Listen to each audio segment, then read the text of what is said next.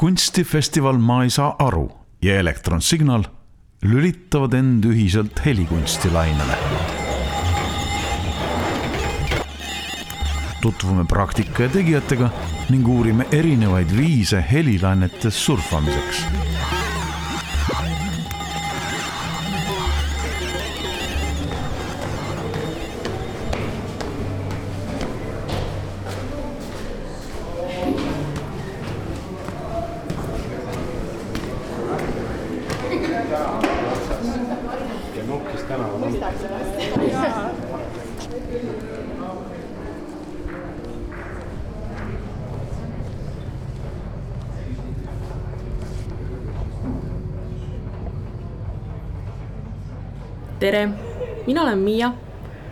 DJ, igat sorti helikunsti fanatt. ja sa kuulad podcasti Tõlked eemalviibijale, kus ma üritan sulle kui eemalviibijale anda siis võimalikult täpselt edasi oma näituse elamust. ajaliselt ma salvestan seda podcasti paar päeva pärast näituse külastamist, kus äh, ma olengi nüüd kogu enda jaoks vähemalt hoomatava informatsiooni, mis ma sealt sain Mm, endast läbi lasknud, et anda mingigi määral äh, adekvaatne ülevaade sellest kõigest, aga siiski arvatavasti ma loodan, et on tunda ka sellist äh, e-, esmast näituse emotsiooni ja, ja seda järelkaja, aga järelkajast me veel kindlasti räägime selle podcast'i jooksul. Juttu tuleb siis kahest näitusest, mis avati ametlikult üheteistkümnendal mail ma ei saa aru kunstifestivali raames, mille keskseks selliseks teemaks on sel aastal siis helikunst. sellised kaks avanäitust olid äh, peal, üks oli pealkirjaga Sõna saab heli, mille kuraatoriks on Aivar Tõnso ja teosed olid siis selliste kunstnike poolt nagu Raul Keller, Liisa Hirš, Taavi Suisalu, Sten Saarits, Eerika Laluga, Katrin Enni ja Mari-Liis Rebane ning äh, iga autori poolt oli siis vähemalt üks teos, mis oli konkreetselt selle näituse jaoks siis loodud. ning äh, teine oli selline ruumiinstallatsioon kahe saksa helilooja poolt, mille pealkirjaks on äh, Ajarajad. ja ma alustan näitusest Sõna saab heli Telliskivi loomelinnaku Rohelises saalis ja lähtun siis enam-vähem teoste paigutusest ruumis ning äh, iga siis heli, mis sealt äh, taustaks tuleb, on, äh, on siis salvestatud seal selle teose juures.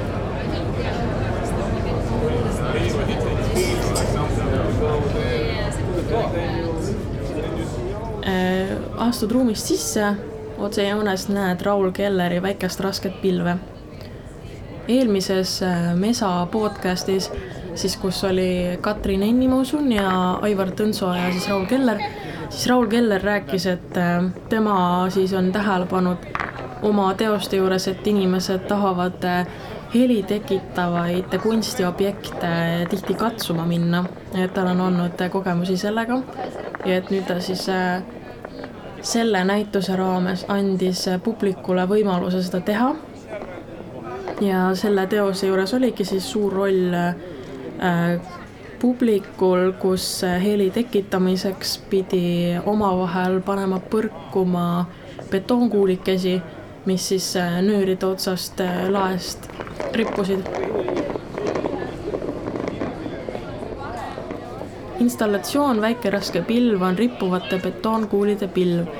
neljas kuulis on betoonkuulide omavahelisest põrkumisest tekkivat heli kuuldavaks muutvad piesoelektrilised mikrofonid, mida võimendatakse põrandal asuvatesse kõlaritesse. vot nii. ja koha peal ma selle lugemisega nüüd nii kaugele ei jõudnud, nii et kogu see kõlav heli tundus kuidagi maagiline, selline mitteharjumuspärane. et arvad küll, kuidas kõlab hunnik betoonkuule, kui need üksteise vastu loopida, aga vot, Raul Keller, Cut Me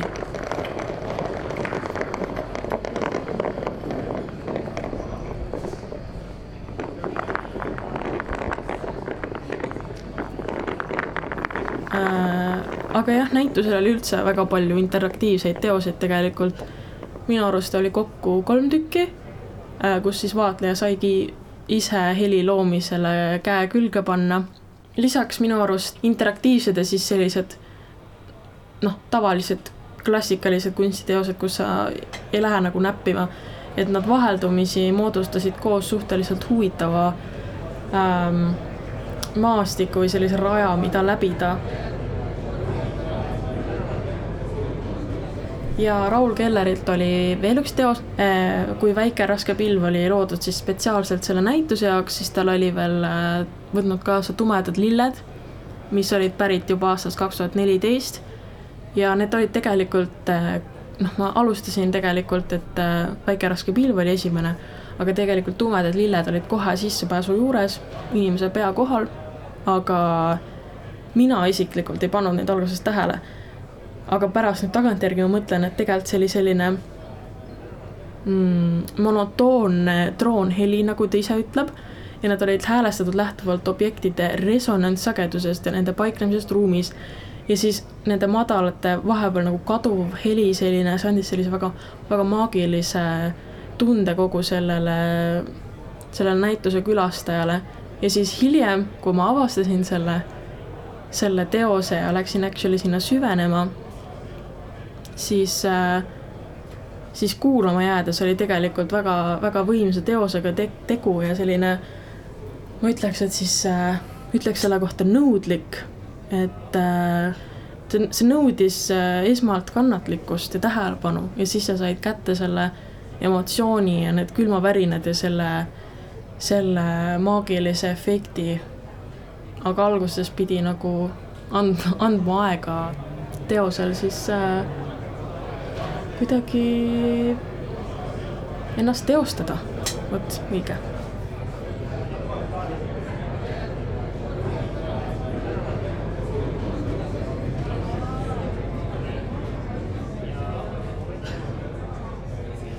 järgmine teos näituse saalis oli äh, Sten Saaritsa poolt ja selle pealkiri on Hajevill. see oli hästi äratuntavalt temalik teos. selline linnakeskkonnas levinud kommertsvalgusti mis siis kujutaski seda sõna hajevill. ja, ja selles hämaras näitusesaalis see isegi mõjus nagu küllaltki realistlikult või kuidagi autentselt. ja isiklikult, kui ma selle teose juurde läksin, siis äh, ta lihtsalt äh, mürgas neid helisid nendest kõige ebamugavamatest äh, sellistest argipäevakeskkondadest, kus on nagu see range akadeemilisus või mingi selline pedantne vibe nagu õhus ja, ja minul läksid mõtted kohe nagu, issand, õudne on ju. lihtsalt üritad leida neid väikseid pääsuseid, ma ei tea, tehes kuskile kohvimasina juurde või vetsu pikem tiir või no ma ei tea, seal olid mingid üminad, et ma ei tea, ümised lihtsalt, et kontrollida oma, oma hääle olemasolu peale seda arvuti taga olemist, eks ju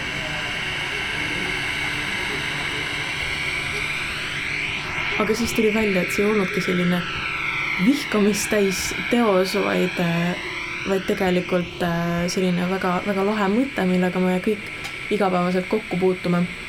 Äh, ma natuke räägin nagu, mis seal kirjas oli, et, et seda kunstniku mõtet võib-olla paremini edasi anda teose juurde kuulub kuue kanali helikompositsioon sünteesitud ja abstraheeritud helisalvestistest, mis on salvestatud erinevate ettevõtete, institutsioonide ja eraruumide keskkonnas, kus digitaalne infotöötlus on muutunud rutiinseks tegevuseks.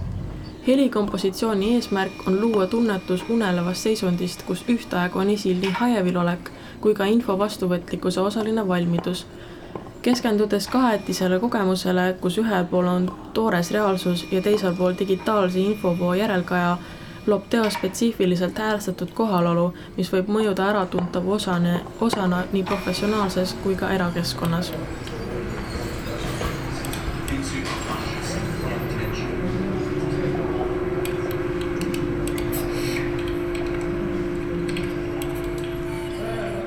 see oli nii heliliselt kui ka visuaalselt hästi huvitav teos.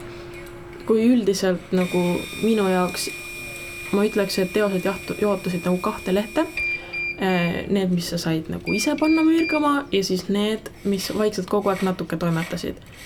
siis, siis see teos oli konkreetselt selline, et ta nagu näis nii viimistletud ja selline puhas ja siis ühtäkki kõige vaiksematel hetkedel, kui võib-olla saal hakkas rahunema vaikselt, siis just see, see teos hakkas hullu panema, sest temal oli nagu suhteliselt vaba voli, et ta nagu vahepeal oli vaikne ja siis jälle oli valjem.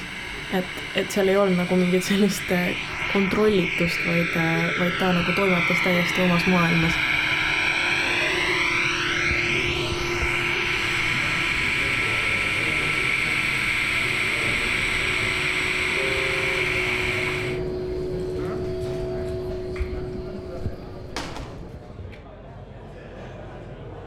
edasi liikudes ootas meid äh, Katrin Enni äh, kellukad. ja see nägi välja selline, et äh, kolm sellist, kuidas see on nüüd, see ei ole kõlar, aga see, mis on siis grammofoni otsas, on selline sarv. kolm sellist sarve oli põrandal ja siis sai nende keskel istuda. tegelikult siis see Katrin Enni teos Kellukad on selle podcast'i nii-öelda selline nael, mille ümber ma nii-öelda või noh, mille tegelikult sellist loogikat või, või sellist äh, mõtet ma olen natuke ära kasutanud ka enda või saanud inspiratsiooni nii-öelda enda podcast'i siis koostamisel. ja põhimõtteliselt äh, seisneb siis selles, et kui äh, Katrin Enni käis selles Aivar Tõnso podcast'is koos äh, Raul Kelleriga, siis ta rääkis, et see teos ei ole veel valmis, aga ta tahaks, et äh, tahaks tuua põhimõtteliselt e-, esile kõlarit kui omaette sellist äh, noh, sellist vaatamisväärsust, et kui tavaliselt äh, need on sellised tarbeesemed, mille ülesanne on lihtsalt heli edasi anda ja mis siis nagu peitu läheb, no kuigi on ka erandeid, eks ole, et tantsu, elektroonilise tantsumuusika sellises maailmas on kõlar väga olulisel kohal ja alati väga, väga nähtaval kohal aga no siiski mind see probleemipüstitus ka nagu kõnetas, sest tegelikult äh, vastab ka tõe, tõele see.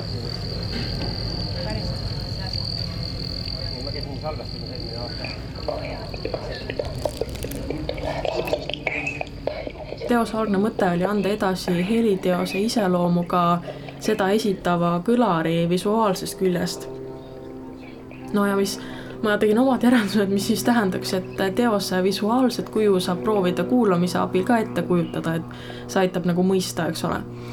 ja, ja kuna, kuna nüüd sellel näitusel on kõigil teostel nii füüsilise kui ka selle helilise poole autor sama, siis usun ma, et just kui ma nagu neid helisid salvestan, et siis seda loogikat saab siin rakendada et, et neid helisid kuulates te saate veidikenegi aimu ka, mida teie silmad näitusel umbes kogeksid, eks ole. aga, aga nüüd selle, selle teo, valmis teose kohta siis äh, Katrin Enni on öelnud, et äh, installatsioon koosneb skulpturaalsetest kõlaritest, mille kuju on inspireeritud üheksateistkümnenda sajandi lõpul levinud kellukakujulistest grammofonitorudest antud teos annab kõlari kui objekti tähelepanu keskmesse ja annab sellele loa end kogu oma kehaga ruumis kehtestada.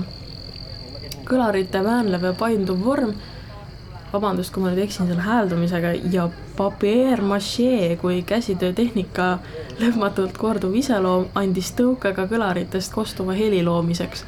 Ku-, noh, näete loogika. kuulda on helipildid kus mitmest ühetaolisest väikesest häälest moodustub orgaaniline tekstuur, kasutatud on nii helisalvestisi kui ka elektroonilisi helisid.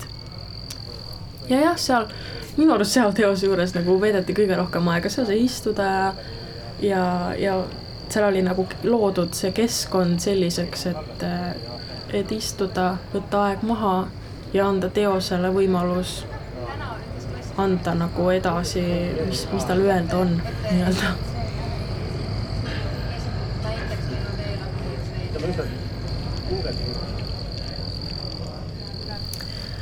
ja Katrin Ennil oli samuti kaks teost näitusel.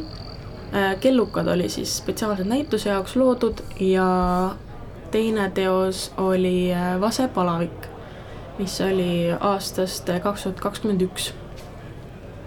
ning äh, see koosnes siis erinevatest painutatud vasekujudest ja heli tekitavatest elektroonilistest seadmetest ning seda toimuvat siis ta e, iseloomustas nii. elektroonilisi helisid võimendab ja moonutab vibratsioon kõlarile asetatud vasest objekt.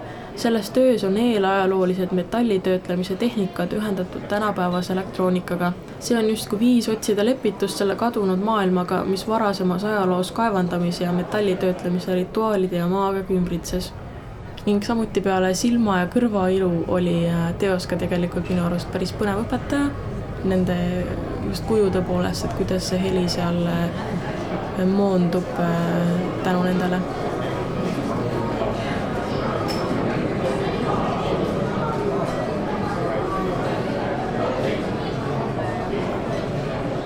Ja nüüd me oleme siis sissepääsust kõige kaugemal nurgas, täpselt umbes näituse keskel ning meile vaatab vastu Taavi Suisalu Vaikelu see oli hästi segadust tekitav teos, ma pean mainima. või noh, lõpuks muidugi vesteldes targematega oli, oli pilt nagu selgem. aga alguses ma uurisin ja puurisin ja ei saanud aru, mis asi see on.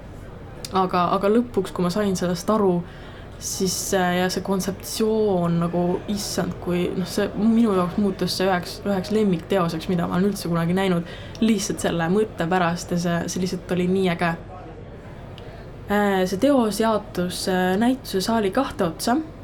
nimelt siis seal teisel pool sissepääsu, eks ju, seal saali kõige kaugemas otsas oli selline torujast materjalist ringes konstruktsioon, millel ripus kõlar. Ja seda ümbritsesid äh, neljast küljest mikrofoni statiivide külge kinnitatud dirigendi taktikepid. ma ei räägi seda on ju praegu peast, seal on nagu kirjas see. ja siis siin-seal olid mõned kummimaterjali narvad ja, ja siis ma nagu lugesin seda teksti, ma nagu ei saanud täpselt aru, siis ma nagu, mis asja on ja see teinud nagu õieti häältki, et, et mis, miks, mis, mis tekst, mis, mis taktikepid on ju, miks.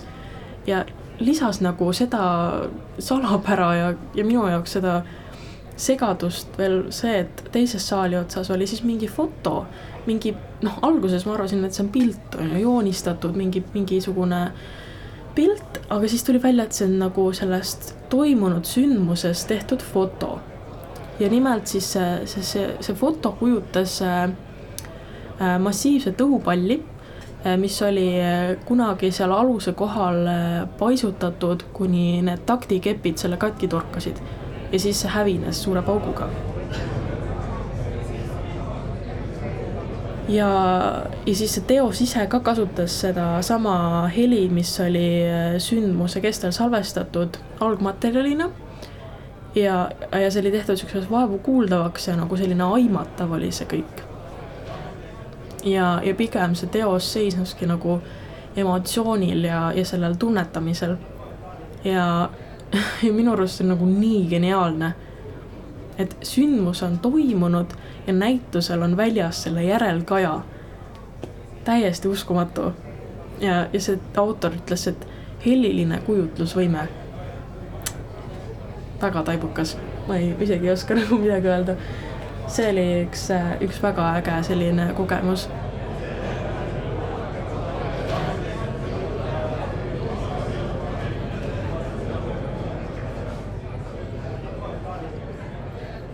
ning edasi liigume siis Eerik Alalooga teose juurde Suvaliste naudingute aed.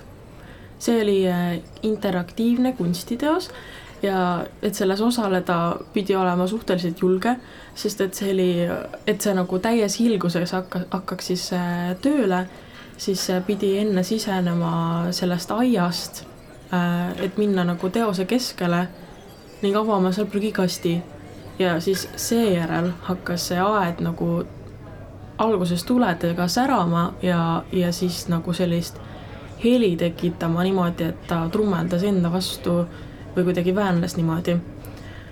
ja, ja kõige lemmikum hetk mulle meeldis selle teose juures isegi võib-olla mitte see, kui ta oli kõige sellises aktiivsemas äh, tegevuses, vaid just siis, kui ta hakkas vaikselt maha rahunema. ja siis kaugelt vaadates niimoodi see nägi välja hästi selline sürreaalne, kus selline peaaegu altarliku välimuse juures selline aed siis vaevu märgatavalt niimoodi lainetas või kuidagi, kuidagi väänles ja siis see oli selline midagi täiesti kuskilt Tim Burtoni kuskilt äh, ettekujutusest. et äh, see mõjus väga, ebamaisena, ma ütleks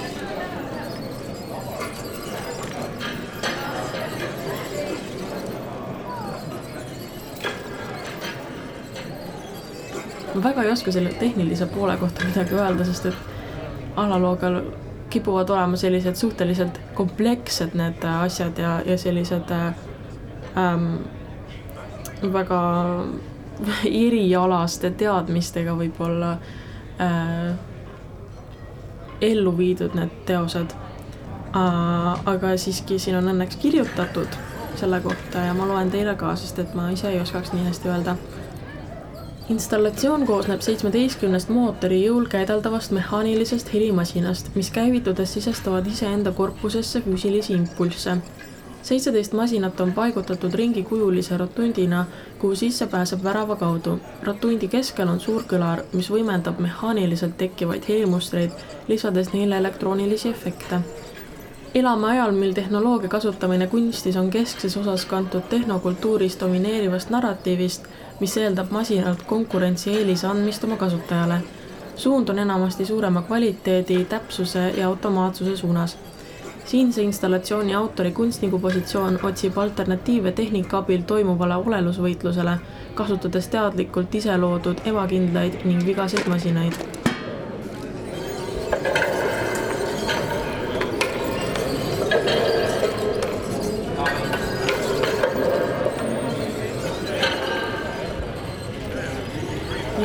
siin siis oli välja toodud, mis nagu päriselt selle teose taga oli, eks ole. aga, aga samal ajal ma mainin ka ära, et minul läks kohe mõte näiteks sinna, et teate seda tunnet, et kui on mingist elutust objektist nagu kahju.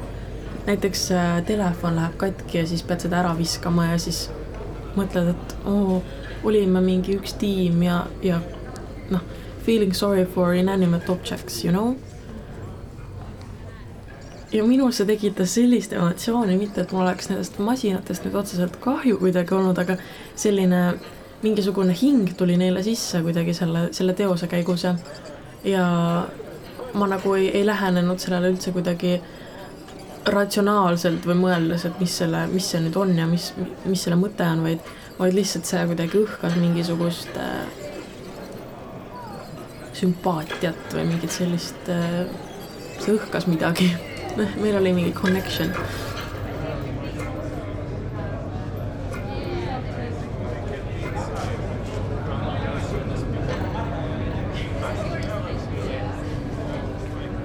ning järgmiseks ääretult ilus teos oli Liisa Hirši poolt Lend äh, ja selle, selle keskmeks oli, oli lahti võetud klaver või no tegelikult kogu, kogu teos siis koosneski sellest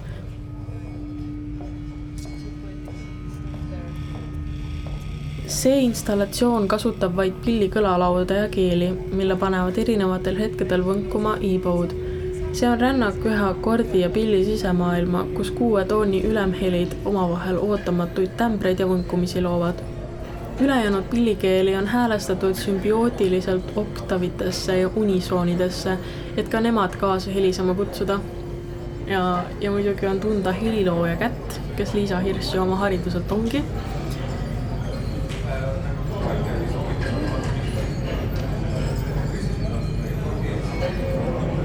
mul ei olegi rohkem midagi öelda.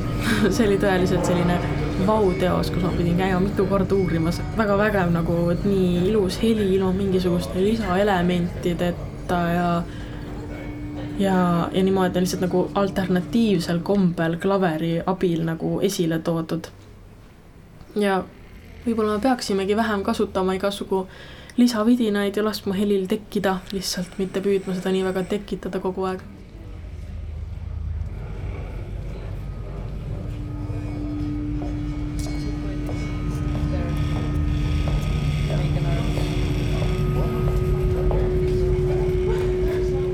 keset saali, kõikide teoste keskpunktis oli Mari-Liis Rebase teos kolm miljonit grammi heliteri.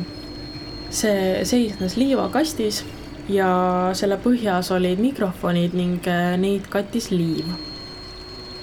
näituse külastaja sai minna heliga katsetama ja seda nagu liiva seal mikrofonide peal riisuda õrnalt. ja see teos oli lihtsalt visuaalselt ja seal nagu teostuselt nii selline mm, oskuslikult ellu viidud, eks ju, selline hästi simpel, aga samas loogiline. ta ise on siis nagu seda kirjeldanud niimoodi, et äh, ta toob oma teoses fookusesse heliolukorrad, kus vahelduvad ise ja koos olemine. Publik võib näitusel luua ja kogeda juhuslikke seisundilisi sekkumisi ühises iseolemise mänguruumis, mille kunstnik on loonud. audiokompositsioonis on osaliselt kasutatud granulaarset helisünteesi ja osa kompositsiooni helikihist ja tekstuurist sünnib publiku valikulisel sekkumisel koha peal reaalajas. kokkupuuteid materjaliga on mõlemat, riivamisi omaette ja riivamiste dialoog, moodustades miljoneid kombinatsioone, mis koosnevad detailidest ja oligi põhimõtteliselt inimesed said minna liivakasti, seal oli pink, reha, kõrvaklapid, paned kõrvaklapid pähe, kuulad ähm,. taustal äh, tema helilooming ka, eks ju, ja siis inimene sai sinna peale nagu rehaga, reha abil luua juurde siis neid äh, ja neid äh, helisid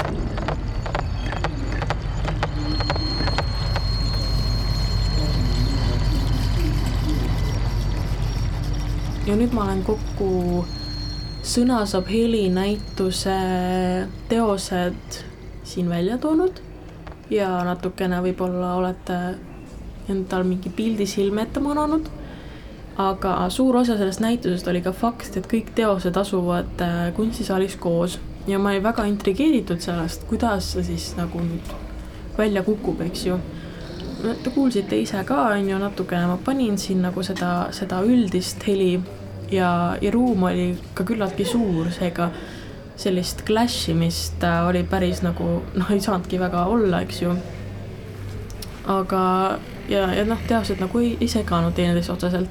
minu meelest oleks isegi cool im olnud, kui nad oleksid veidi rohkem üksteise otsas olnud, et see oleks selline eriline helikunstiorkester, et oleks vaadanud, mis, kuidas see oleks olnud ja siis Aivar Tõnso on lihtsalt selle selline suur dirigent, kes selle taga on nagu kõik need instrumendid nagu kokku kureerinud, eks ju. et, äh, et võib-olla see on selline mõte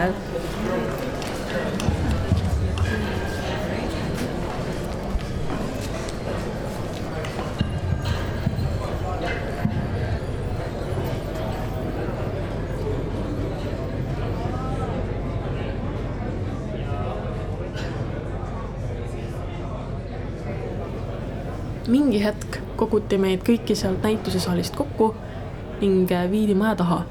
ja, ja me leidsime end sealt äh, lift üheksakümmend üheksa koridori ukse eest, kus äh, Martin Rekker ja Paul Hautmeier, kes on muuseas, nad on juba kahe tuhande üheksandast aastast koostööd teinud ja nad on ise alles mingi kolmkümmend, ehk siis äh,, ehk siis ikka nagu pika, pikaajalised sõbrad, eks ju.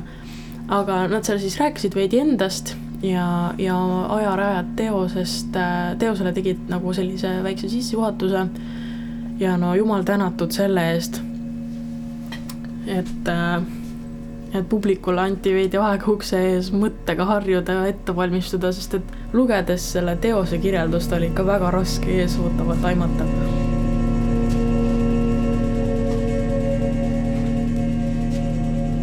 ajarajad mõtiskleb aja mõistet üle ning vaatleb nende tagajärgi ühiskonna ja kliima jaoks. kuuekümne meetrine ruumiinstallatsioon seab vastamisi sündmuste ja hetkede möödumise korduva loomuse ning aja mitmemõõtmelise tajumise. installatsioon käsitleb ülemaailmsete kliimamuutuste lähenevaid murdepunkte ning isiklikke kogemusi desorientatsiooniga ajas teos vaatleb mitmesuguseid ajamõisteid nagu lineaarsus, korduvus, multitemporaalsus, samaaegsus, ümberpööramine, kiirendus, aeglustus, kordus, teisenemine. see lahutab kuulmis- ja nägemismeelt, tekitades hapraid, võbiseva ajahetki. lisaks sulanduvad ruumiline liikumine, aeg ja rütm ühtseks kogemuseks, nii et nendevahelised piirid hägustuvad vot sellest ma ei osanud mitte midagi järeldada. see tekitas minus küsimusi, kuidas selline olustik külvvaatajani tuuakse, kuidas see üldse võimalik on, mida need sõnad selles konst-, kontekstis tähendavad, kuidas ma neid mõistan, kui ma pole ju kunagi ajas desorienteerunud, eks ju. niisiis, suundusin avamisele Suure uudishimu ja umbusu saatel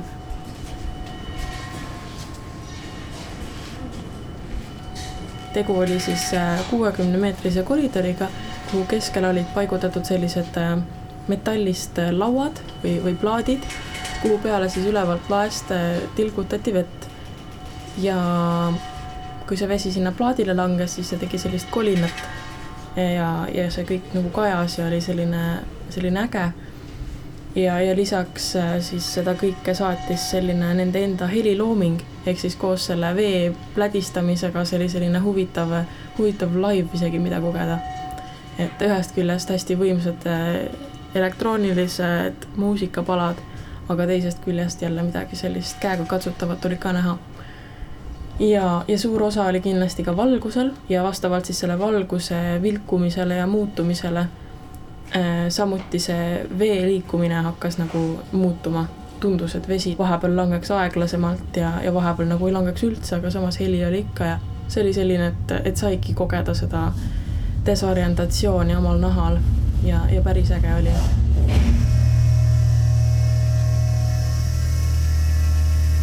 see teos kestis kokku seitseteist minutit. Äh, tegelikult seal mingit algust ega lõppu ei olnud, aga arvestades, et äh, ma läksin uksest sisse, kui uksed tehti lahti ja, ja ma olin seal umbes kakskümmend minutit, nii et ei saanud arugi. Ja, ja, ja siis ma ei saanudki aru, et teos ei hakanud nagu kordama ka ennast, et ta oli täiesti selline äh, väga sür selline ekslemine selles, selles ajas ja selles ruumis. ma ei ole tõepoolest mitte kunagi mitte midagi sellist kogenud